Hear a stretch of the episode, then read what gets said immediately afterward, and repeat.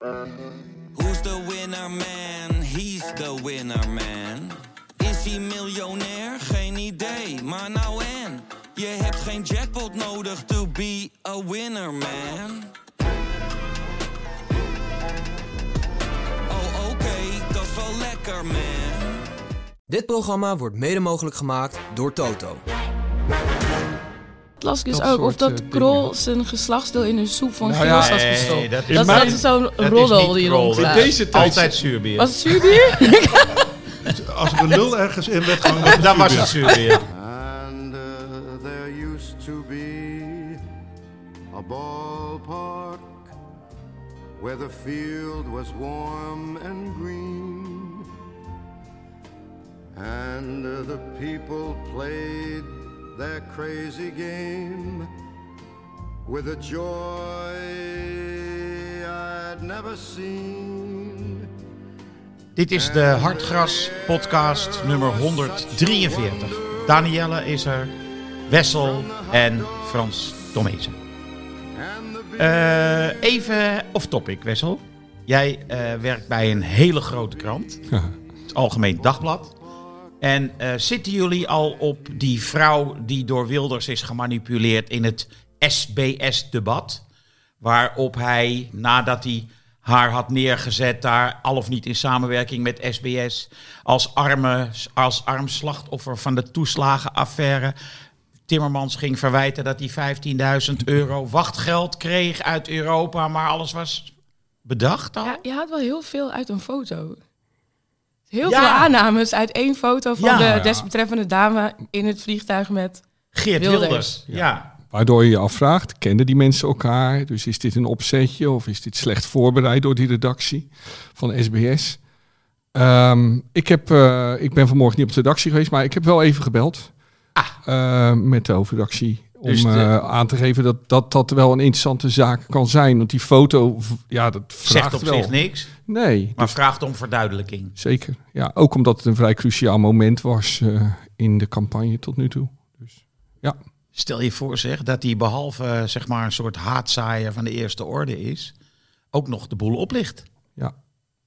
Maar daar zijn ze allemaal wel van binnen deze campagne. Welk het filmpje van Jezielgus met Rico Verhoeven, wat helemaal niet zo in elkaar zat als naar buiten was gebracht. Ik denk dat iedereen in deze campagne echt bijna aan het modder gooien is. Ja. En heel veel ad hominems worden gebruikt en op de persoon en wie het hardst roept en de meeste lucht eh, de wereld in kan helpen. en dat het weinig op inhoud gaat. Nou heb ik niet de gewoonte om het op te nemen voor CDA's in het leven. Maar ehm, ik vind eh, dat deze man eh eh, Bontebal Henry, uit- ja. uit Rotterdam-Zuid echt wel de witte, de witte raaf is van deze campagne. Die, eh, die laat zien dat je ook eh, je normaal kunt gedragen. En normaal op de inhoud kunt praten. En waarschijnlijk levert dat het CDA ehm, een zeteltje meer op of zo. De- niet veel. Maar dat lijkt me wel iemand waarmee je wel verder kan. Eens. Zijn er nog meer eh, Rotterdammers eh, over wie je graag de loftrompet wil steken Nou, ehm, in de verkiezingsstrijd? nou, juist niet eigenlijk. Omdat ehm, ik, eh, ik, ik kom uit Rotterdam, zoals jullie weten. Oh. En, en eh, ehm, ehm, ik, ehm, ja, ik ben niet, niet zo. Ik ben in ieder geval niet op- opgevoed met, met de VVD als de partij waar je als eerste voor kiest. Maar woon je in Rotterdam, dan kun je best wel eens de neiging krijgen om een goed gevoel te krijgen over de VVD. Daar, daar, daar, daar wonen heel veel ouderwetse liberale VVD'ers. Ik noem een beetje opstelten. Dixieland-liefhebbers. Ja, maar dat en, en ook wel de huidige eh, politieke leider in Rotterdam, Karremans. En dat zijn eh, ja, van die VVD's. Kijk, ze zijn niet opgevoed met belastingen. Ze is, is hun thuis nooit uitgelegd dat belastingen uiteindelijk goed is voor iedereen om elkaar te helpen. het woord solidariteit, dat, dat begrijpen ze ook niet helemaal. Het gaat niet verder dan het eigen, de eigen cirkel. Juist, maar het zijn wel mensen die het beste voor hebben met, met de wereld en willen dat het met iedereen goed gaat. En met En- hun ietsje beter. Wat? En dan met hun ietsje beter. Ja, zelfs dat vraag, vraag ik me bij deze mensen af. Dus het is voor mij wel een raadsel dus hoe zij zich nu voelen eh, bij de toon van de huidige VVD. Dat is de toon van Rita Verdonk, die destijds maar nipt verloren hè, bij de interne verkiezing van Rutte. Ja. Zoals Jezus, ik kan Jezus niet rijmen met, met eh, de Rotterdamse VVD. Ik kan me niet voorstellen dat zij in Rotterdam was komen bovendrijven met haar humorloosheid, haar hardheid, haar botheid. Ehm, ehm, ik, eh, ik heb hier al vaak dingen moeten uitleggen over dingen die in Rotterdam zijn gebeurd. En nu is het aan jullie. Leggen jullie mij maar eens uit hoe zo iemand kan komen bovendrijven. Een Amsterdamse. Ah, ik zie het bovendien. Ik zeg er maar even bij. Zeven jaar PSP, dacht ik, hè? of SP. SP, ja. Ja. Ja. Staat natuurlijk wel aan de linkerkant van het centrum in Amsterdam, wat wel moet met een vrij links stadsbestuur. Dus dat heeft misschien ook wel een soort van zand in de ogen gestrooid.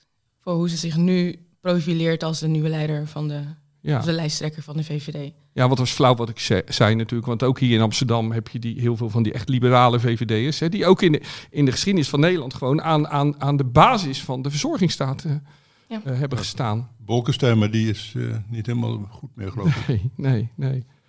Maar die, die mevrouw, kunnen jullie die duiden? Zeg maar de weghorst van eh, de Nederlandse politiek. Oh ja, De vind boze, jij de... ja, boze mevrouw.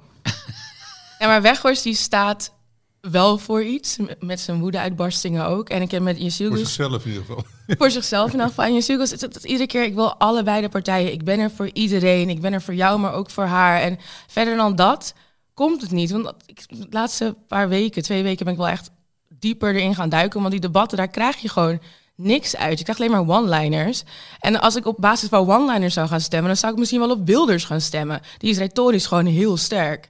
En daar laten mensen zich ook door de luren leggen. Dus ik dacht, ik ga gewoon in die partijprogramma's induiken en een stukje lezen en kijken hoe dat overeenkomt met wat de lijsttrekkers zeggen. En er zit gewoon echt gigantisch gat bij Jezielgus. Want los van het feit dat hij helemaal niks zegt, zeggen ze ook dingen die gewoon haak staan op het beleid van VVD. En ik kan me daar echt heel erg aan storen. En wat jij zegt over Bontebal. Ik denk Dassen en Bontebal zijn denk ik de, de twee mm, eh, leiders die ik heb gehoord, die ik heb, waar, ik op, waar ik over heb gelezen, waar ik dacht, ja, dit, hier zie ik wel wat. En ik zie ook dat jullie staan voor waar die partij voor staat. Het ligt op één lijn. Maar dat zijn tot nu toe echt de enige twee. En Timmermans is gewoon niet zo sterk. Die is gewoon echt niet sterk eh, retorisch, maar ook niet qua lichaamstaal. En dat gaat hem echt, en GroenLinks PvdA ook gewoon opbreken, denk ik, tijdens de verkiezingen. Daar ben ik eigenlijk heel erg bang voor. Ja, maar het is wel erg natuurlijk dat we mensen aan het beoordelen zijn op lichaamstaal. Nu en op one Ja, maar daar is het op aangekomen inderdaad. Ja. En die, al die debatten op nou, SBS of NPO of eh, WNL, of hoe het ook heet is, die dragen daar allemaal aan bij. Aan die oppervlakkige beoordeling. En niemand, geen enkele debatleider die ingrijpt of diepergaande vragen stelt. Het is allemaal oppervlakkig. En daar gaan mensen, het grootste deel van de Nederlanders, gaan op die oppervlakkigheid stemmen. Vanuit hun eigen eer en geweten, want ze weten niet beter. Dus je kan het ze misschien niet eens kwalijk nemen. Maar dat zijn denk ik wel gewoon heel veel verkeerde stemmen. Waar wij dan de komende jaren als land eh, het slachtoffer van gaan zijn. Zowel politiek als cultureel, als financieel, economisch, maatschappelijk. Het, het is niet goed voor Nederland om zo, zo'n verrechtsing te hebben. Nou ja, ik denk het is verrechtsing, het is verdomming vooral. Het is gewoon populisme. Ja. René van der Gijp is iedereen- boven komen drijven Wij als denken, eh, wij denken nu groot duider van Ja. de binnenlandse politiek. maar wij denken nu ook dat we er verstand van hebben. Hè? Dus het is, het is natuurlijk heel raar gelopen. Ja. Ik heb wel het gevoel, zou maar zeggen, als je zou beoordelen van wie heeft er het meeste verstand van, dan denk je toch aan Omzicht of aan Timmermans, zou ik denken. Hè, van Van besturen. hier heb je de tas met geld van Nederland en zoek het maar uit. Dan geef ik hem toch liefst aan een van die twee heren mee, gewoon puur op grond van eh, kennis van zaken. Maar als je dan kijkt naar NS, NSC, dan is het ook wel weer zeer Ah, ik, conservatief. ik heb verder niet over de, de, de beleid en zo. Het is heel, eh, ja, ik woon niet ver genoeg van eh, Amsterdam vandaan om dat te kunnen begrijpen allemaal. Maar dat, is, dat is wat anders. Het, maar ik- het is wel iemand die weet waar hij het over heeft. Ja. En dat heb je bij die Jezelkus op geen enkel moment. die zit gewoon die, dat, hele, dat hele reclamebureau na te, na Bouwen. te, bouwen, na te bouwen. En eh, Ja. ik sta achter je. En, eh, Ja. Als die, als die commercial komt, dan ben ik al weggezept. Ik ben er ook voor oh ja, ik jou. schrik er s'nachts wakker van. Ja, maar eh, Dat zijn toch mijn, toch mijn kleren over de stoel, maar ik dacht even, Jezel Gus in mijn slaapkamer. Dat is, Ja, maar het, gaat vol- het gaat volgens mij niet om verrechten. ik bedoel, we zijn ook in ieder geval de ouderen onder ons. Nee, dat Dan- zegt dan-. Ja, Nee, maar dat is Frans goed. Dat is, nee, ja, ik ook, maar dat we is niet zijn de juiste opgegroeid. term, we zijn opgegroeid met Wiegel en Nijpels en, en Lubbers en Van Acht. Ja, dat is een soort democratisch vermaak. Ja, dat hoort erbij dat dan de ene partij dan de andere partij wint. Maar als, als het gaat om onwaarheden en plat populisme, ja... ja Ja, mensen vertrouwen het niet meer. En, da- daar is, en dan krijg je dat verhaal van dat volksdansen. Maar hij kan tenminste... Hè, ik, Hem bonte bal, wat, hij speelt leuk piano en hij is zo eerlijk. Dan krijg je die, be- die beoordeling krijg je vanzelf. Omdat je denkt, ja die Timmermans die deugt niet. Kijk maar hoe hij in zijn ogen kijkt. En eh, die, die klauwt een hoop geld weg uit Brussel en weet ik wat. En het is een Limburger en, weet ik, en hij is dik. Eh, Al die rare dingen krijg je dan. ja. Hè, dat, en het slaat ook helemaal nergens op. Dat, eh, Ja. Die man heeft het, je, had hem op zijn beleid moeten. Hij heeft ontzettend veel voor elkaar gekregen in, eh, in Brussel. Meer dan Ja. misschien Nelly Smit-Kroes destijds nog wel, ook wel. Maar er zijn weinig Nederlanders die zoveel voor elkaar hebben gekregen. Ik vond het ook heel grappig dat zondag oh, oh, zei iemand van, misschien was het zelf wel, Jesse Gus.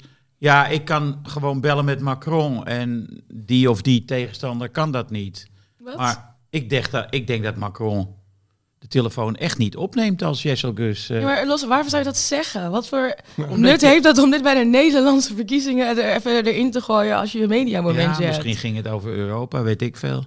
Maar ik vond het ook wel ver gaan. Ik denk dat de enige die Macron kan bellen en dat die wordt eh, beantwoord, zo'n gesprek, dat dat Timmermans is. Dat is de enige die Frans kan ook. Van. Nee, waarschijnlijk wel, ja. ja. Nee, je moet je dus Frans. niet eh, Frans horen spreken, ja. Enfin, we hebben ons eh, licht laten schijnen. We zullen het zien over twee dagen. Eh, over populisme gesproken. Weet je wat ik ook een beetje populistisch vond? De manier waarop Savi dus door de hele Nederlandse sportpers wordt afgezeken. Ik bedoel, wat, de- wat denken ze wel, die gasten? Eh, ik- misschien ga ik mezelf nu echt onsterfelijk en belachelijk maken. Maar ik vond hem helemaal geen slechte pot spelen tegen, Ik ook niet. tegen Ierland. En ik vond hem ook helemaal niet zo egoïstisch als hij wordt weggezet. Want hij heeft zoveel keer op doel geschoten en nog geen enkele assist, geen enkele goal. En hij gaat voor eigen gewin. Ja, dat doet hij, maar steeds minder. En hij zorgt wel voor dreiging. Hij creëert ook ruimte. En je ziet hem steeds meer in het samenspel komen. Die jongen maakt echt bij iedere wedstrijd dat ik hem zie in het Nederlands elftal, heeft hij weer een gigantische stap vooruit gezet. Dus ik vind echt wel dat hij gewoon iets te hard wordt aangepakt wel in de, in de media. En dat komt ook door de manier waarop die verslaggever... eh, die was voor de wedstrijd al van plan om het heel veel over Xavi te gaan hebben. En eh, toen werd hij eh, geholpen door een paar keer balverlies. Aan het begin van de tweede helft nam die regisseur een close-up van Xavi. Terwijl de verslaggever zei... ja, misschien dat Koeman er ook eens aan moet denken... om bepaalde spelers te wisselen. Gewoon vooropgezet plan van ik, ik begrijp op sommige momenten echt wel dat voetballers een beetje eh, met niet al te veel positief, positieve energie naar interviews na afloop gaan. Want eh, Is dit een overstapje naar Weghorst? nee, maar ik ben het met je eens. Dat eh, hij was helemaal niet. En hij had verschrikkelijke pech dat Gakpo een goal voor hem weghaalde. Ik denk trouwens ook dat met Xavi is. Die speelt natuurlijk in de aanval op soort van tien, maar wel echt vooruitgeschoven. Dus het wordt hem ook kwalijk genomen dat hij zijn werk op het middenveld niet doet. Dat we dus een man te weinig hebben op het middenveld, dat soort dingen. Maar volgens mij is dat ook de opdracht waarmee hij speelt. Zeker. We spelen met drie centrale verdedigers. En het idee is dat volgens mij vanuit de verdediging dat mannetje minder op het middenveld wordt opgevangen. Ja. En Savi is niet de persoon die dan terug moet komen. Volgens mij is. Veerman er daarvoor ook ingekomen. Alleen Savi wordt dus afgerekend op het feit dat hij niet scoort en geen assist geeft en niet te werken op het middenveld doet. Die eerste twee dingen, ja, dat, dat gaat echt nog wel komen. Kijk hoe jong hij is, kijk hoe explosief, kijk hoeveel dreiging er van uitgaat. En het tweede deel is volgens mij echt, ik weet niet zeker, maar ik denk dat dat gewoon een tactische keuze was. Ja, en eh, wat ik ook, dus, maar dat zei ik daarnet al, eh, de manier waarop die, al die sportjongens achter elkaar aanrennen om Savi af te branden. Ik bedoel, er is er één eh, die begint en de rest als eh, bloeddorstige meute volgt. Maar is dat niet altijd zo? Dat was met Virgil van Dijk ook zo. Er staat Ja. nu een heel artikel in de Dan heb ik Athletic daar ook aan over verloop. Ja. Maar dit is toch, weet je, deze discussie is over een, ja, in ieder geval over een jaar die, ja, hebben we deze niet meer. Nee, die jongen die gaat een kwestie 100 van tijd. interland spelen. Ja. Over zeven spelen. maanden, Nee, wanneer hij bepalend wel- is op het EK, dan spreekt niemand er meer Ja. over. En dan is het al Sana en dragen we hem op handen. Maar ik vind het wel gek dat de journalistiek zich altijd als journalistiek opstelt en we moeten aan nieuwsgaring doen. Terwijl als ze even kritiek van zijn speler krijgen, nou, de, al die panels en weet ik wat, hoe, die raken er niet over uitgepraat dat ze hun trekken thuis krijgen. Dat, Dat is een keer wat, verdienmodel. dat iemand wat terugzegt. Ja. Dat, dat is toch ook het wezen van een interview. Jij stelt een vraag en iemand anders kan toch zeggen dat was een hele domme vraag. Dat hoort toch ook bij het spel. En dan gaan de journalisten heel gauw van, oh, ik stelde maar een vraag. Ja, je stelt een vraag die niet in lijn is met hoe zij het gezien Maar in zijn hebben. algemeenheid ben ik het met je eens. Maar als we dan op de inhoud gaan, ik neem aan dat je het nu over Weghorst en Af- Arman, uit, ik kan ze achternaam nooit uitspreken, maar in ieder geval de journalist van de NOS, vond ik wel, ja, wat je zegt klopt, maar hoe Weghorst erop reageerde was Ja, ook wel was overtrokken. een beetje Ja, over, ik ben helemaal geen. Weghorst-fan of zo, hoewel die goal trouwens behoorlijk goed was. Ja, die was mooi. Nee, maar ik snap die spelers heel goed. Ze zijn hartstikke blij dat ze gekwalificeerd zijn, want ze hebben een heel druk programma. Ze spelen in een ongewone opstelling. Ze hebben er helemaal geen zin in natuurlijk. En ze moeten zich kwalificeren. En dan lukt dat. Zit het allemaal tegen en toch lukt het om achterin dicht te houden, weet ik wat. En die, en die Ieren, dan, ben je, dan kan, jij, kan jij het verrekken dat het eh, niet om aan te zien was. En dan gaan die mensen eromheen, hè, dus die, die eh, Jeroen Gruter al de hele wedstrijd. Het is niks, het is niks. Alsof het een soort Harlem Globetrotters zijn die de hele tijd maar kunstjes moeten ver- ver- vertonen.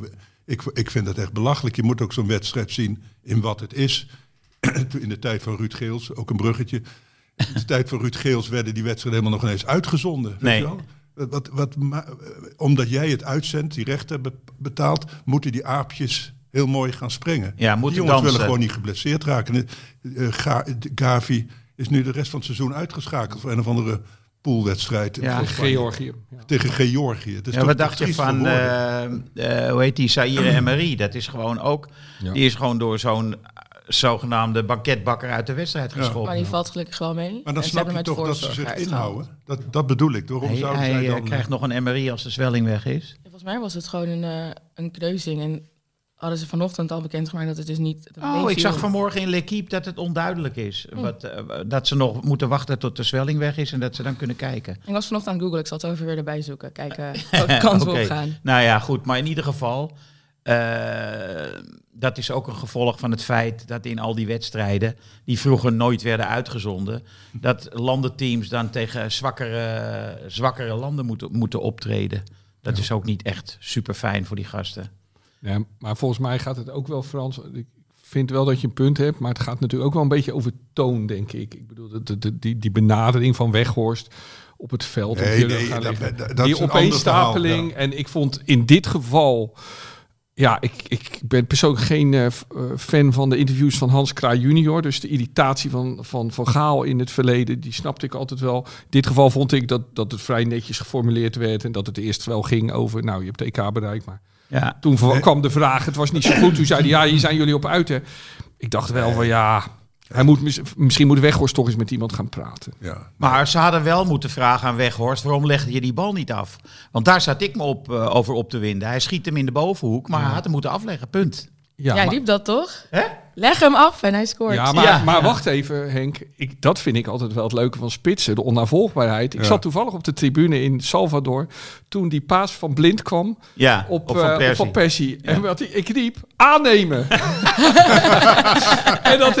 field in the En volgens mij heb ik dat pas. Ja, ik, eh, eh, toen Timber schoot tegen AZ vorige week zaterdag, riep ik ook Ja. door het stadion: niet schieten! dus ik bedoel, je, de, de, de, de, de, de instincten van de voetballers en van de spitsen, want dit de, zo raken in de Ja. korte hoek, daar zit hij bijna altijd. Ja. Dus het was ook wel mooi. Ik had hem ook altijd afgelegd, maar daarvoor ben ik middenvelder. Nee, het was Maar een heel- meestal als ze zo'n end gelopen hebben, is de zuiverheid helemaal weg. Zo. Ja. Ja. Maar hij moet wel een goede conditie hebben Ja. dat hij dat Ja. nog kon. Ja. Maar dat heeft hij ook. Dat zie je bij het, bij het eh, storen ook goed. Ja. Hij, hij, loopt het hardste door van iedereen altijd. Ja, niet echt elegant, maar hij loopt wel door.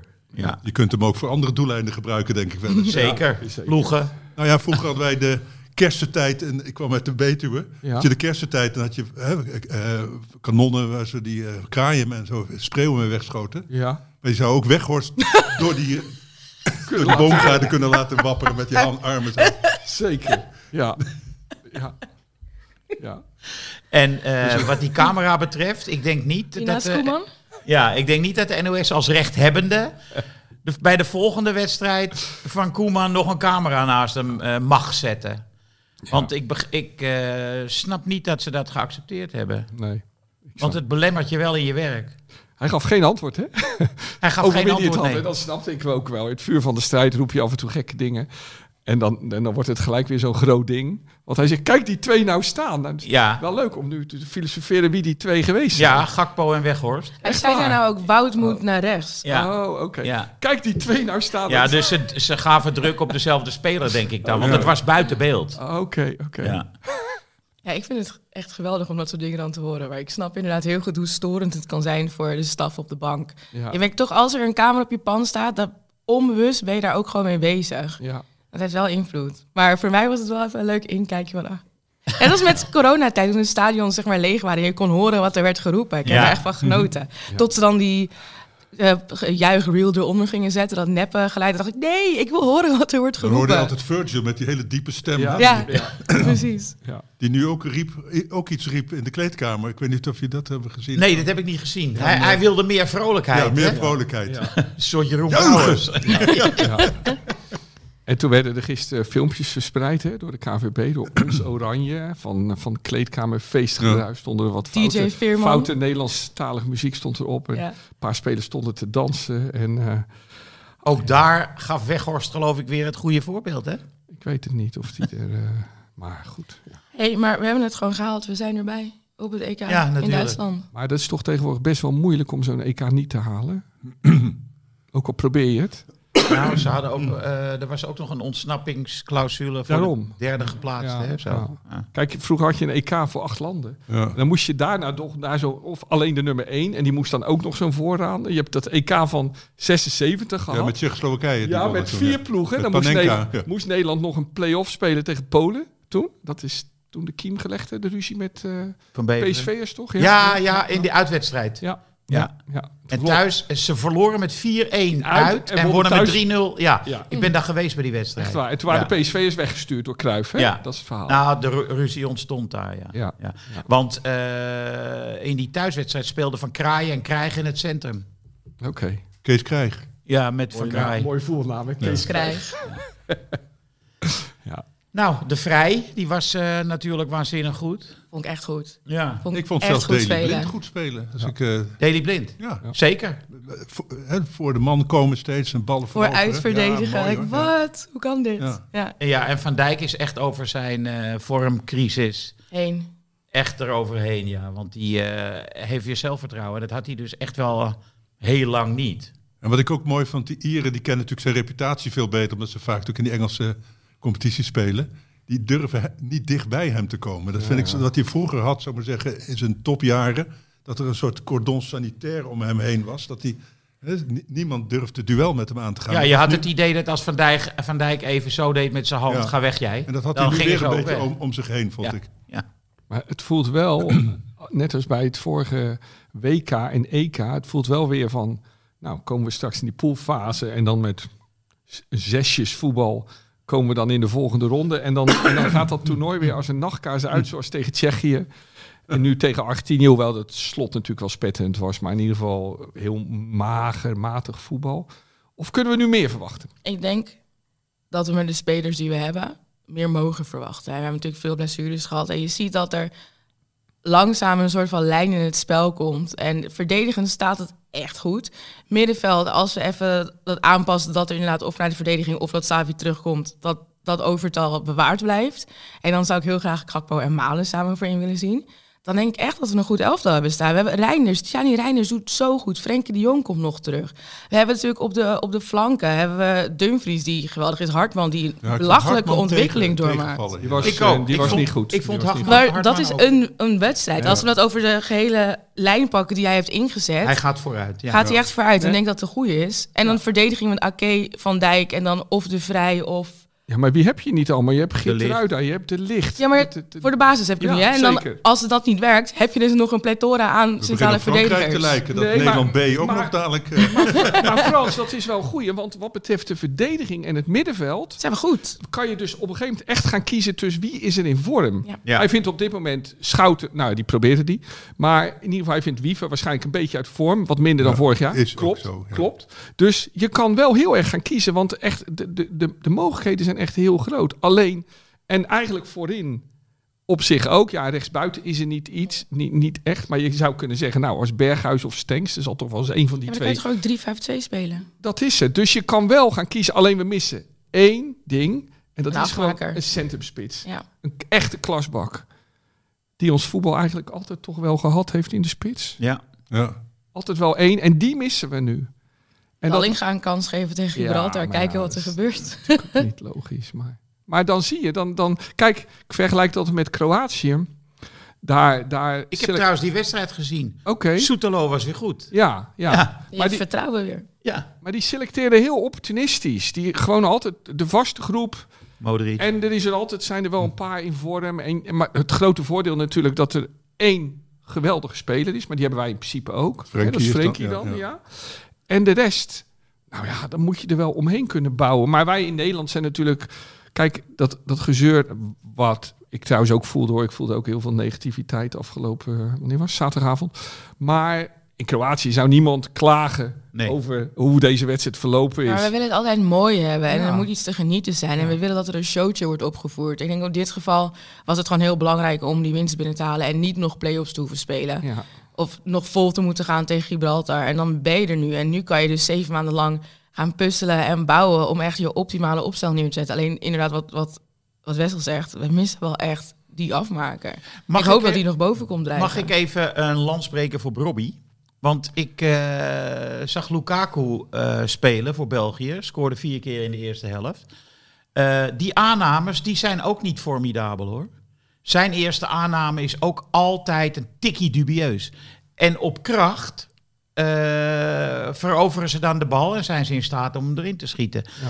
Ik vind wel dat er vergelijkbare elementen in hun spel zitten. Alleen Ik Lukaku echt- kan beter koppen. Ja, Maar ze zei, je kan Bobby niet vergelijken met Lukaku. Die spelen op twee hele verschillende manieren. Dus ze zijn allebei groot, ze zijn allebei zwart. En ze Ja. zijn allebei spitsen. That's it. Misschien dat dat ook eh, aan de beeldvorming bijdraagt. Maar over de aanname gesproken. Ja, ik heb het ook gezien. Ja. Maar ik vind dan Bobby vind ik nog wel wat sterker in zijn aanname. Sterker aan de bal dan Lukaku. Ja? Alleen in, in dat opzicht. Lukaku is in alles natuurlijk de betere spits. De, het is Romelu Lukaku. Ja. Maar qua aanname, dat is echt gewoon altijd een van zijn zwaktes geweest. Waar hij ook bij Chelsea en toen hij nog in België speelde, gewoon extra op heeft getraind. Maar Omdat Lukaku is toch ook een spits die altijd al een beetje teleurgesteld heeft. Die, zeg maar zeggen, het in zich had om de allerbeste spits van zijn generatie Ja. te worden, is hij niet geworden. Maar nu is hij het. Op pas dertigste. te- Nee, maar zo is het natuurlijk met Bobby. Dat is natuurlijk ook wel een kwestie van tijd. Alleen ik denk niet met dit EK. Daarvoor is er gewoon te veel kapot gemaakt. Denk ik dit jaar en vorig jaar bij Ja, hem. Maar hij- in potentie... Hij doet het niet voor, eh, voor Koeman, bedoel je? Nou, nou, ik denk gewoon dat, dat, dat die man heeft een goede trainer nodig. En dan komt hij er. Want die heeft natuurlijk... In wezen heeft hij alles. Wat, wat, hij, wat je als spits moet hebben. Alleen, die, dat is niet binnen een half jaar zo. Uh, overigens, hè, in Nederland hebben we altijd gezeurd over jonge spelers. Bergkamp, die gingen we pas ook op zijn 33ste bij Arsenal waarderen ongeveer. Hè. Daar was ook altijd kritiek op. Ja, was zeker ook, toen was hij... ook wisselvallig, want in die tijd ging ik heel vaak naar de meer. Ja. En ik, eh, ik was een enorme fan van hem, omdat het toen Ja. al, toen hij heel jong was. Maar hij, hij stelde heel vaak teleur. Hij was ook altijd bezig met opstootjes, hè, ruzie Ja. maken, eh, gedoe, geklaag. En eigenlijk is hij pas inderdaad bij Arsenal. Ja, maar want bij Inter was hij ook niet, eh, Ook niet, geweldig. Nee. Ja, maar heeft dat niet te maken met, met onze... daarom zitten we hier ook. En daarom bestaat Hard Gras ook. Omdat we hier in Nederland zo ongelooflijk van het mooie voetbal houden. En, en dat wij dus altijd veel meer willen dan dat. En dat we dus... En misschien waren, zijn er wel landen waar, waar ze nooit had, zouden hebben gemopperd over Bergkamp. Omdat ze snappen dat voetbal ook wel een momentensport is natuurlijk. Maar wij willen... Soms hoor ik een buitenspeler, ah, die was goed.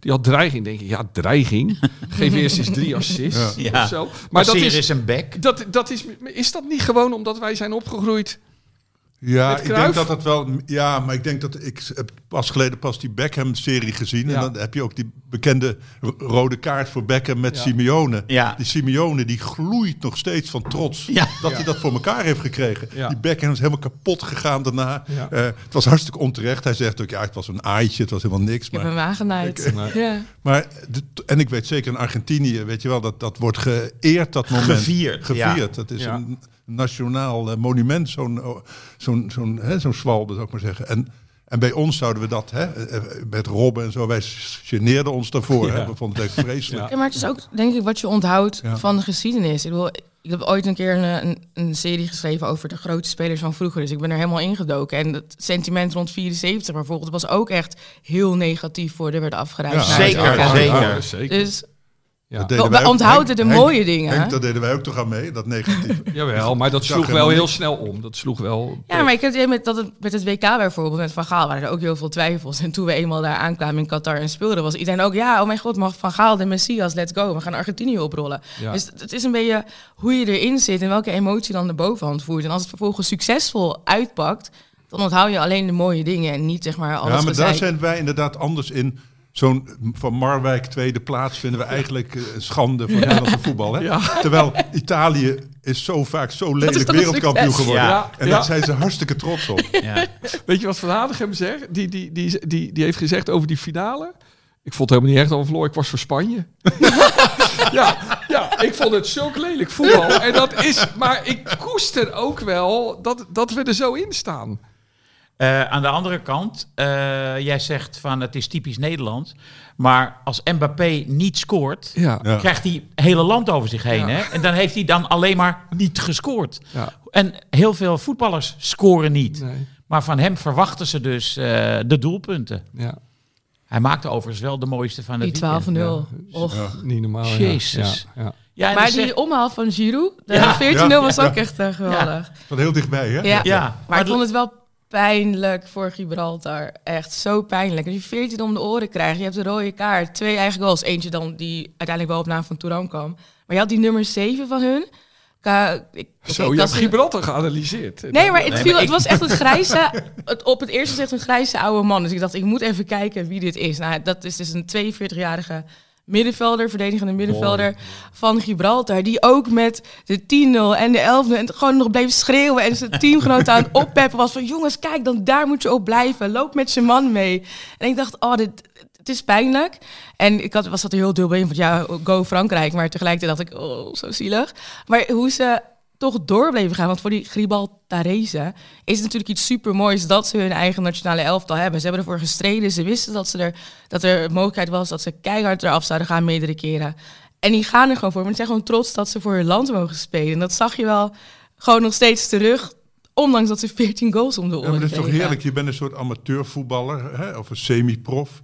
En dan mag je tegen de, de wereldsterren spelen. Ik zou het ook niet zo erg hebben gevonden. In Ja, mijn maar tijd. als ze die eh Zaire en Marie niet de, uit de wedstrijd ha- hadden, ingehouden. dan hadden ze echt geen 14 goals gemaakt. Nee. Ze waren echt erop uit om ze te kapot te downputten. maken. Ja. En dan zei de chance zei na de wedstrijd nog... Ja, we hebben er maar teken van 14. respect. Ja, Ja. teken van respect. Ik, wat? Hadden we er ook meer kunnen maken. Maar respect voor Gibraltar. Ja. Maar wat ik wou zeggen, voor het andere club zijn van wat Wester van Hanegem. Dat had mijn zo, oudste zoon ook. Die was ook voor Spanje. Die wou ook per se toen zo'n Spaans shirt. Heb ik op zijn volgende verjaardag gekregen. Die, eh, Oké. en wat, wat hem heel goed stond, moet ik zeggen. En dat, eh, en dan zag, lijkt het net of je al goed kan voetballen hè, als je zo'n shirt hebt. Dacht hij ook. Maar Er stond eh, in die tijd een eh, mooi verhaal van Janneke van der Horst in de Hart Gras.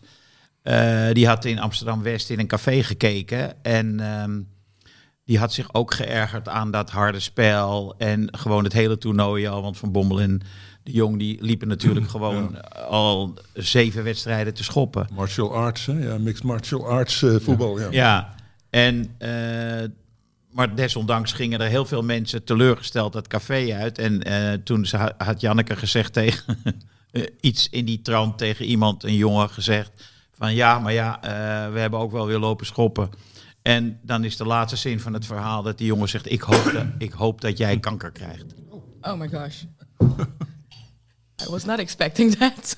Was echt wel goed eh, opgebouwd. Ja. het negatieve spel wekte negatieve gevoelens op. Ja. Ik wou nog even, ehm, want het woord Ajax is nog helemaal niet gevallen. Eh, nog even terugkomen op het feit dat eh, Van Praag en Van Gaal echt volkomen onverrichter zaken terug zijn gekomen uit Alkmaar. Hè, om eh, die eh, bestuurders van Alkmaar te bewegen om Kroes eerder vrij te laten. Uit, eh, de vrij te laten. ja, uit de, de gevangenis die Alkmaar heet. Maar Gaan jullie het boekje van, eh, van Galan lezen? ik heb het niet gelezen, maar ik vond dat wat er over Nouri stond, vond ik zo- zo'n aanfluiting. Ik ga het niet lezen. Oh, maar ik vond dat wel interessant. Want over die Kroes, die dan zogenaamd niks mag doen, die had wel even laten noteren dat. Voor wie het heeft gemist, een boekje van Van Galan over de crisis bij Ajax. Menno de Galan, ja. En die, eh, die, die, die had vier boekjes of zo, hè? Ja. Ja, Ja. Maar in ieder elk jaar één. elk jaar. En hij, eh, in ieder geval, hij, eh, hij had wel opgetekend dat uh, Kroes had gezegd dat Michelin dat een meesteroplichter was. Ja, Dat vond ik toch niet gering. ja. Als, Een hij- charlatan. Ja, ja, dan heeft hij toch eh, behoorlijk eh, gekeken wat er gebeurd is. Dat zal hij niet uit de krant alleen gehaald hebben. nee, toch? maar hij zei ook van ja, geen rechtsbuiten, maar wel vier linksbacks. Ja. Ik had er een paar een klap in hun nek gegeven. En toen dacht ik, oh jongens, we gaan nog jaren plezier beleven met Amsterdam, met Ajax. Het probleem is nog niet opgelost. Maar dit is toch weer ongelooflijk. Hou nou gewoon even je mond. Eh, maar ik eh, Nee, maar het hoorde... betekent toch dat hij al lang eh, Ja, inzage heeft gehad in die transfers. Ja, ja. Maar ik hoorde ook dat eh, de reden eh, waarom het eh, is gesprongen, dit gesprek, eh, was dat de juristen van Ajax hadden tegen die van AZ gezegd. Eh, wij kunnen op grond van Europese regelgeving bepaalde eisen van jullie niet inwilligen, in, in, eh, willigen, want dan krijgen we beschuldiging van kartelvorming en zo. Ik kan me dat wel voorstellen. Je mag natuurlijk niet tussen twee clubs bindende andere afspraken maken dan wat normaal gebruikelijk in de reglementen staat. En dat wilde AZ dus. Dus toen heeft Ajax voorgesteld, laten dan onze juristen samen overleggen. En als die er dan eenmaal uit zijn, laten we dan op bestuursniveau weer eh, verder praten. Maar dat wilde AZ niet. Nee, want zij wilden dat Ajax in tien jaar geen spelers van AZ ging kopen, toch? Ja, ik, dat weet ik niet. Ik is weet dat niet, het frame, ik, ik, ik weet het detail, dat detail ken ik niet, maar ja, ik weet wel dat het, eh, zeg maar, eh, bepaalde dingen op juridische gronden niet door Ajax konden worden geaccepteerd. Ja. Maar, wat- ze hebben overigens wel nagelaten om een paar goede spelers van AZ te kopen, hè, Reinders. En dat, dat wil ik je ook vragen. Toen ik in de trein hier naartoe zat, zo gek dat Ajax zijn achtertuin verwaarloost. Mickey Ja. van der Ven, eh, Veerman, eh Reinders, allemaal topspelers. Allemaal eh, de, Ja. next generation. En die hebben ze allemaal natuurlijk Ja, maar- gewoon met...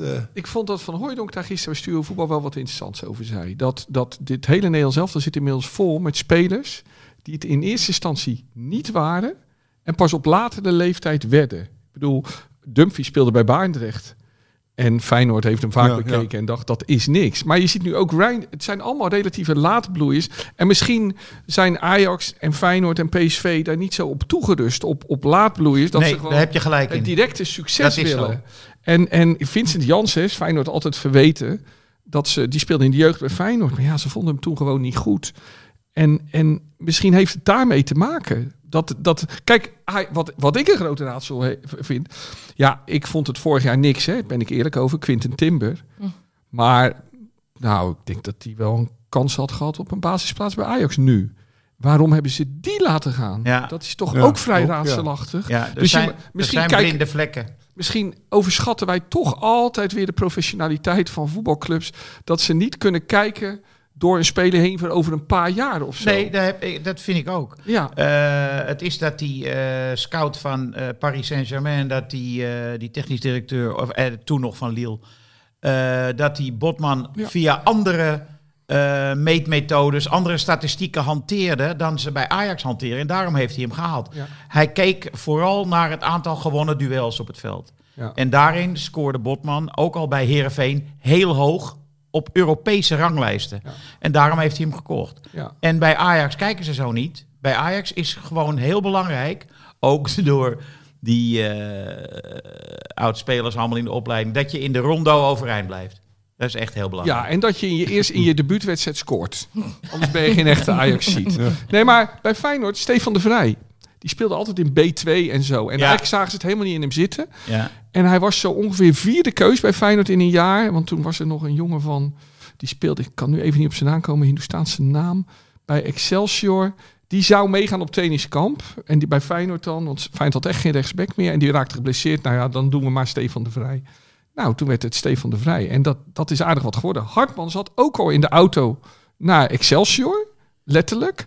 Toen eh, Slot zei, nee, nee, nee, nee. Hij moet toch blijven, want we hebben toch... We hadden al drie andere backs, maar ja, je weet nooit. Nou Want ja. die Lopez zou dan echt de eerste zijn. Hè? Ja, nou, die is echt stukken minder Ja. dan, Ja, dan ja. Hartman. Dus clubs, volgens mij... eh, maar goed, bij bedrijven gaat natuurlijk ook altijd Ja. heel veel mis. Maar, Maar, maar het is natuurlijk ook zo, je, je, je bent natuurlijk niet meteen op je top. En zeker jonge spelers zijn wisselvallig. Ja. En als je pech hebt slecht hè, in te vallen, dan word je, word je nooit meer gevraagd. Nee. Dat, dat is natuurlijk zo. Masrowi bij Ajax ook zo'n voorbeeld. Ja. Die Ja. werd ook altijd net niet goed genoeg gevonden. Nee, maar die had Zeefuik voor zich. En op die leeftijd... Van Dat klinkt toch belachelijk nu? Oh, en dat, dat wij nu zeggen, oh ja, het. Nee, ja. maar luister, op die leeftijd, 15, 16, Ja, Ja, die was 17 veel jaar... sterker Ja. natuurlijk. Ja, was een gozer, die was al 1,90 meter en eh die, hij was die zo'n woog rie- hij 100 was kilo. rietje. Was dat. Ja. Ja. Ja, Dus- Hij, hij had heel laat ook de baard in zijn keel. eh Seruki, Henk. Seruki Seruki. in hem dito. Die Wiever. moest gewoon weg omdat hij te mager was. Wiever, Schouten. Ja, Allemaal spelers. ja maar dat is, dat is echt het aller, allermoeilijkste in scouting en in opleiding, denk ik. De potentie zien. Want, eh, en dat is ook eigenlijk onvoorspelbaar. Ja, dat is waar. Want er zijn er natuurlijk ook genoeg eh, die mislukken. Ja, maar ook het risico durven nemen. Ja, dat wel, zeker. En dat hadden ze bij Botman natuurlijk moeten doen. Want die won ook al wedstrijden voor de onder 17 en gewoon in zijn eentje, weet je. En, eh, dat En in een team passen, dat is ook, hè, dat is ook iets wat ingewikkeld is. Je ziet van die spelers, die komen dan van zo'n subtopper bij een topclub. En bij die subtopper, hè, de Veerman heeft ook natuurlijk veel moeite gehad nou om zich aan te passen. Omdat hij altijd gewend is, geef mij de bal maar, ik doe er wel iets goeds mee. ja, Maar dan komt hij ineens bij een club dat er wel vijf van die jongens rondlopen die iets goed met een bal doen. ja. En dan eh, vinden ze het moeilijk om hun, hun rol te kiezen. Voor Veerman is toch één eh, pot chagrijn was dat eh, in het begin. En nu begint ja met- zeker met Van Nistelrooy. Ja. ja, en nu mag hij de plaatjes draaien, weet je wel. Ja. Ja. maar hoe heet het? ehm eh, Seruki, die had het ook niet meteen bij Feyenoord, hè? Niet Nou, onmiddellijk. Daar hebben we het Nee. nog over gehad aan het begin van het seizoen. Ja. Ja, dat Ja. die... eh, Waarom hebben ze die gehaald? Nou ja, maar, maar, maar Timber ook niet. En, en wat Slot zegt, je hebt fit en je hebt Feyenoord fit. Dus het is ook wel een kwestie van fitheid. Aan de andere kant, het middenveld van Feyenoord stond al. En toen mocht hij opeens uit bij Atletico spelen. En toen bleek gelijk dat het een goede speler was. Ja. Dus het is ook wel... ehm, ja, uiteindelijk, je moet een beetje geluk hebben met blessures ook en zo. En dan valt een elftal in elkaar, geloof Nee, ik. klopt wel. Ja. Dus Maar ik ben blij dat hij het uiteindelijk redt, Seruki. Ja. Ik vind het een hele fijne speler. Hij heeft ges- gescoord hè, voor Ja. eh, Algerije. Eh, de koning van de week. Wie is de koning van de week? Ja, dat kan er eigenlijk maar één zijn. Hè? Houd weg, Horst. Ja, We doen het, hè? maar we hebben het er nooit meer over laten. ja, Mbappé, die bal. Ik, weet, ik dacht ook de, de Ajax-vrouwen die natuurlijk PSG hebben Oh, verslagen. ja, je hebt volkomen gelijk. ah, nee, Dat daar ben ik voor weg, Horst. Dat meisje, die eh Lily Ja. Johannes. Ja. Zij. ja. Echt heel onverwacht. Ik ging die wedstrijd in en ik dacht, ja, leuk, maar we worden natuurlijk afgeslacht. Ja. En vervolgens Huppatee. was het ook gewoon goed voetbal. Ja. Het was niet per ongeluk dat er drie inrollen. Het was gewoon goed voetbal. En Van der Sar ook Ja. wel raar voor de tv zitten. Hè? Dan heeft hij eerst Ajax laten instorten. En die vrouwen niet willen huldigen. En nu blijken die vrouwen echt Ajax nog een beetje, een beetje overeind te houden. Europees mee te laten Ja. praten. Ja. Nou, wat, wat ik interessant vind steeds, ehm, ik kijk af en toe best wel naar de Eredivisie, Ehm, maar vaak zijn de invalsters, die zijn dan heel jong, hè, die zijn dan 16 of 18. ja, En dan zie je aan alles, dat is een goeie. die worden beter dan Ja. die anderen. Ja. Dit, dat, dat heeft Suze me Nou ja, een die keer wieke- uitgelegd. die dat is motorisch Die natuurlijk. wieke kapitein, dat is gewoon echt, dat wordt een hele goeie. Ja, maar het zit er maar gewoon in. Die hebben hun hele leven al echte training. Ja. Dat is het verschil. Die anderen Ja. zijn natuurlijk pas laat echt. Dus je ziet Ja. motorisch. Zo, ik kon nooit tegen Stefanie van der Gracht. En, bij- en, en, en, en bij Engeland lopen ook nog wat van die rouwdouwers. Ja, en die gaan helemaal uit dat voetbal verdwijnen. En dan krijg je allemaal voetballers zoals... Ja, Esmee Brugs was natuurlijk tijdens dit Oh, WK ook of Dat is gewoon een voetballer. Bonmati. Ja, Ja. ja, Ja, ja, ja. maar ik maar- vond ook die keepster, die hield een bal die Verbrugge door zijn benen had laten gaan. Nou ja, ze- ze had hem in eerste instantie natuurlijk wel moeten Ja, pakken. wel, dus maar- dat was niet... Zij was trouwens... maar wel voor de lijn in Ja. ieder geval. Zij pakte gisteren, dit is een intelligente vrouw, die zat gisteren bij Studio Voetbal. En die pakte Rafael van der Vaart aan. Dat was bijzonder grappig.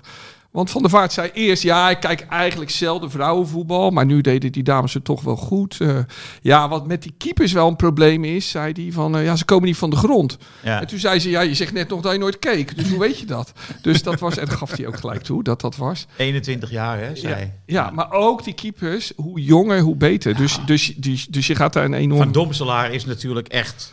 Die Ja. komt echt in de bovenhoek. Ja. En dat was vijf jaar geleden onmogelijk. Kwamen Nee. ze halverwege inderdaad. Ja. Als je hem in de, in de hoek schoot, dan zat hij, hè? Ja. ja. ja. Enfin, de koning van de week. We zijn er nog niet uit. We hebben eh, als optie eh, Lily Johannes. Hm? We hebben als Wout optie Weghorst. Wout Weghorst. Dat is wel leuk ook, dat Weghorst moet strijden nu met een eh 17-jarig meisje uit Eritrea. Hè? Zie je ook Lukaku er ook nog even ingooien? Lukaku vier goals. De eerste in 30 jaar voor het Belgische elftal. 83 goals. Drie- Waarvan ene- 72 in zijn laatste 71 wedstrijden. Like, come on. Iedere wedstrijd scoort hij. Gemiddeld genomen. Dat is ongelooflijk. En laat bloeien. Hij is echt een laadbloeier, ja. Hij zat al op zijn negentiende bij Chelsea, toch? Of zo, geloof ik. Ja, klopt. Zo, dat, eh, Ja. ja. Maar nu komt het eruit. Maar laten we Lily Johannes nemen. Als een eerbetoon aan een rasvoetballer. Rasvoetbalster. Ja, Eens Frans. Ja, ja, prima. Ja, heel goed. Of ga je een betoog houden voor Wout? Dat nee, vind ik daar wel zijn we mooi. van Wout af. We hebben het al veel te veel over, lang over gehad. Ik Eh, de wedstrijd wou van de zeggen, dan week. gaat hij naast zijn schoenen lopen, maar dat doet hij toch. Ja. De wedstrijd van de week is Twente PSV. Nou, PSV. Ja? Ja, ik, weet, ik zie PSV gewoon deze Alles seizoenshelft in elk geval Mm. niet meer verliezen. Moet over tien dagen of over eh, twaalf dagen in de Kuip, hè? Ja? De wedstrijd Feyenoord-PSV. Ik denk dat het gelijk spel wordt. Oh, dus- zo. Ja, ja, ja. ja, ja. Eh, eh, tegenwoordig begint PSV niet zo goed in de wedstrijd, hè? Klopt dat? Maar Twente ook niet. Twente ook niet? Hmm. Dit wordt de eerste echte test voor PSV. Maar ik denk wel dat PSV hier aan het langste eind gaat trekken. 1-0. Met hoeveel? Met 0-1 wordt het dus. Ja. Twente PSV 0-1. Frans? Ja, Twente is natuurlijk uit vorm. In eigen stadion kunnen die natuurlijk altijd eh, onvermoede krachten bundelen. Dus eh, ik eh, hoop eigenlijk dat het Twente zich t- zelf overtreft. En dan 2-1 voor Twente. Ik denk 1-4. Oeh, Ik vind, eh, ik vind PSV aanvallend echt heel erg goed. Eh, vooral Bakayoko is mijn favoriet. Maar ik Hij vind, werd eh, eh, gisteren gewisseld, hè? Maar hij ging vrolijk van het veld oké. bij de Belgen. Ja. Maar ik vind Twente een, een nogal overschatte elftal, eerlijk gezegd. Waar heel veel strijd vooral in zit. Met die druktemaker, eh die Zadilek op het middenveld. oh. En ik, ik vind dat die eh, vooral op strijd we- wedstrijden winnen. In de top dan in ieder geval. En eh, dus ik denk dat PSV puur op kwaliteit... Met Dat 4-1 zegt, de, dat Ja. zegt de Feyenoorder. ja, ja, ja. Als met misprijzen. Heet die Oegal, Ja, Die, ja, ja, ja, ja, ja. Nee, Heet de die Ugalde? Of Oegalde, sorry. Ja, Ja, ja, ik weet- met die andere. Vervelende Ja, gozer. ja. Maar dat heet dan tegenwoordig strijdlust. Ah, en die Stijn is natuurlijk wel leuk, hè? Een leuke voetballer. Eh, ik zeg 0-2. Hmm. Mag ik nog even het over Geels eh, hebben? Als Ja, Ja, nee, maar, nou, nou, ja. nou, maar daar wacht ik op. Zeker. De hele bedoel, we, aflevering. we hebben Telstar hebben we natuurlijk eh, nog niet eens genoemd. Nee, Maar daar komt hij wel vandaan. ja. Ja, en de Telstar met 1-4 trouwens gewonnen, hè? Ja. Tegen de Bos. Maar goed, het is eh, te, te privé misschien, maar dat was... eh, Ja. Nee, maar hij... eh, Ruud Geel- Geels. Ruud Geels, ik als eh, neo-Haarlemmer eh, ben ik toch wel... eh, het is een echte Haarlemse voetballer geweest. Hij is zoon van een, eh, een bakker en eh, zelf eh, huisschilder. En zelfs als semi-prof huisschilder gebleven. Hij voetbalde bij DSS, waar Willem van Hanegem eh, nog wel eens eh, een, boterham, een boterhammetje eet. eh, Juist, klopt, klopt. Ja. als hij op zijn fietstocht is. En, de, en daar was hij v- voetballer en eh honkballer. Dus de oude combinatie die Cruijff ook beoefende. Neeskens? Ook geneeskunst. En, en Cruijff was ook catcher. Hè? Hij, eh, Geels was ook catcher. En wordt ook wel gezegd dat door dat, dat, dat reactiesnelheid die je nodig hebt om als catcher die bal goed te vangen en het veld in de gaten te houden enzovoort, dat dat eh, elkaar beïnvloedt. Eh, hij is op zijn zeventiende naar, eh, naar Fey- een eerste Telstar gegaan. Toen voor een eh, mega bedrag voor uh, Eimondse begrippen. Namelijk 165.000 gulden naar, eh, verkocht aan eh, Feyenoord. Dat is nog in de gemeenteraad behandeld. Ja. Wat dat wel goed was voor zo'n jongen om zoveel geld ineens te krijgen. Hè? Zo'n De gemeenteraad van Velsen. zo'n schildersknecht. Dat, eh, Ja, zo- En weet zijn vader er wel van enzovoort. En t- maar toen had hij natuurlijk geen rijbewijs. Dan moest hij altijd met de trein naar Amsterdam. En dan haalde Rinus Israël haalde hem op van het station.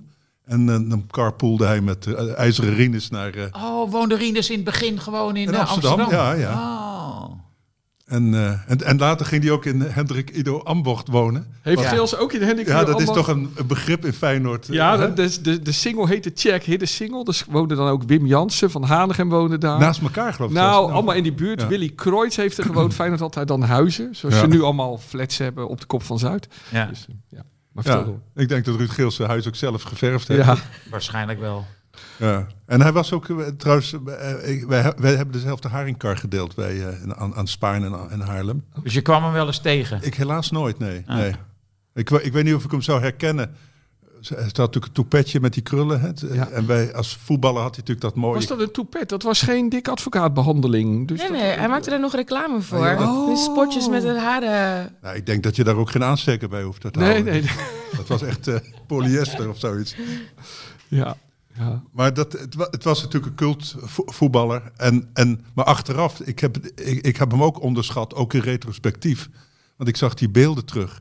Waanzinnige eh, kopper. Eh, Van Hanegem heeft trouwens ook nog wel gezegd. Hè, want ik dacht dat hij uit een lichtmast Ja, ja, ja. kwam vallen. Want dat was die bekende wedstrijd, 75 geloof ik. ja.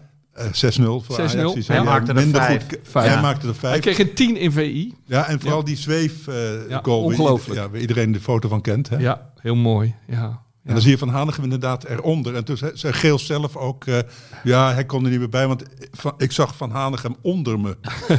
Vond ik wel mooi, Terwijl- alsof hij vliegen. Terwijl Willem een hele goede kopper Ja. was. En, dat, eh, En dus, anders wel een ja. goede schouderduw kon eh, uitdelen. ook. Zeker, zeker, zeker. Hij weigerde toch ook voor HFC te spelen, omdat dat de kakkie Kak- voor ja. was. Echt waar? Ja. Ja. Mooi. Ja, ik. Ja, en. HFC Haarlem, dat was dus niet eh, Ja. de, de koninklijke HFC, maar de, de, de voetbalclub eh, Haarlem. En dat is nog steeds onder oude Haarlemmers, Telstar of, of Haarlem, dat is wel eh, een verschil. Dat kan je niet eh, ja, ja. combineren. Voor mij was het makkelijk, want eh, toen ik in Haarlem kwam wonen, werd Haarlem opgeheven, de, cl- de voetbalclub. Dus eh, Telstar is het enige wat we hebben. En hij werd gepest hè, tijdens het WK Ja, door kool en 74. zuurbier. Ja, Dus snabbel en babbel. ja. die noemden hem Geelsie. Nou, hij hapte, Ik las ik dat denk ze- dat hij altijd hapte, dat hij alles serieus nam. Ik had het ik. idee dat PSV is nog net wat meer. Want dan gingen ze dan, dat heb ik wel eens gehoord, betrouwbare bron. Er gingen dan bepaalde spelers deden dan hun vingers in de soep van de PSV'ers. Ja, dat las ik dus Dat ook. Of soort, eh, dat Krol zijn geslachtsdeel in de soep van Nou ja, had nee, gestopt. dat is- dat, dat is zo'n Dat is roddel die rondgaat. dat In deze tijd- Altijd zuurbier. Was het zuurbier? Als er een lul ergens in werd gehangen, Dan was het zuurbier. 100%. Specialiteit. Dit is de kop, eh, Pelle. Als er een lul ergens in werd gehangen, dan was het zuurbier. Wijlen zuurbier.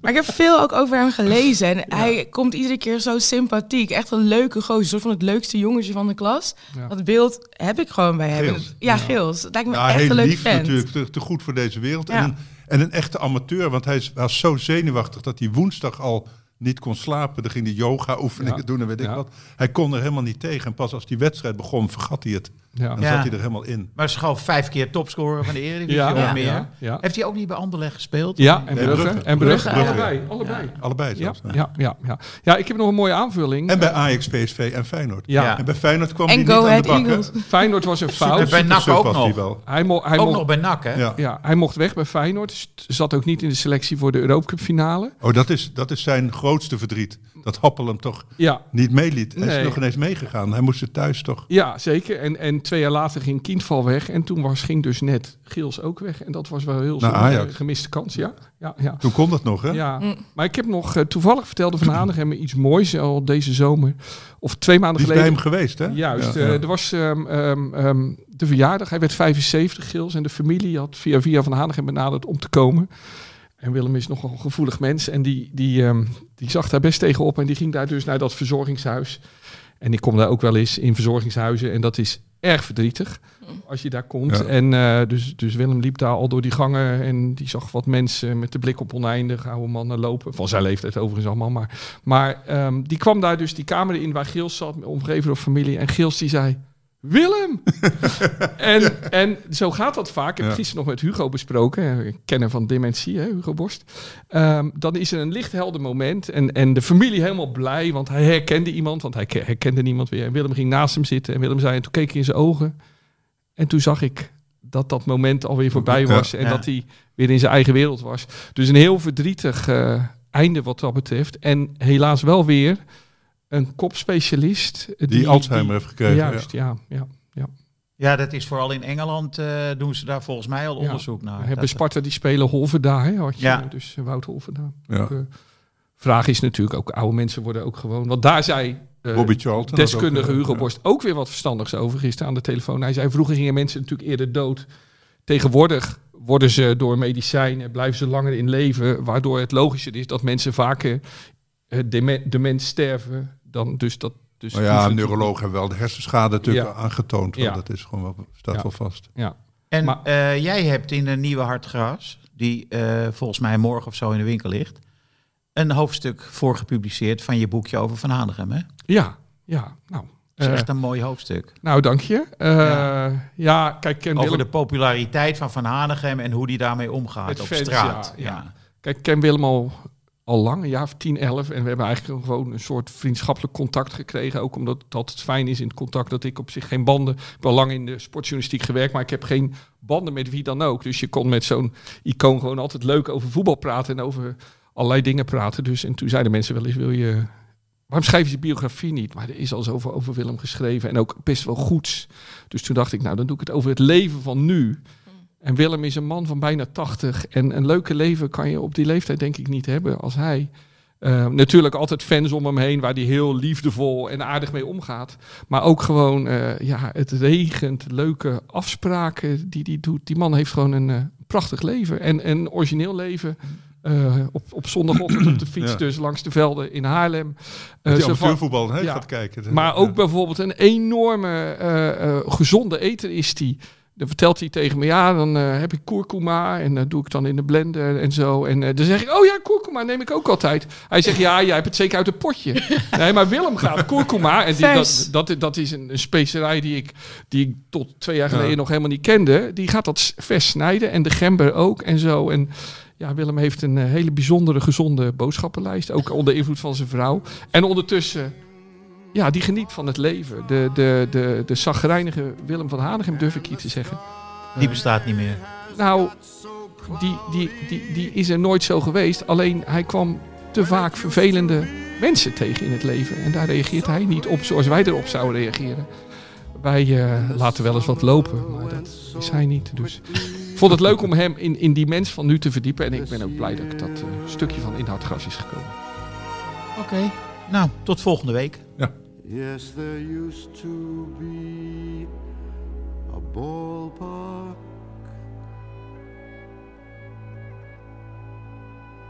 right here.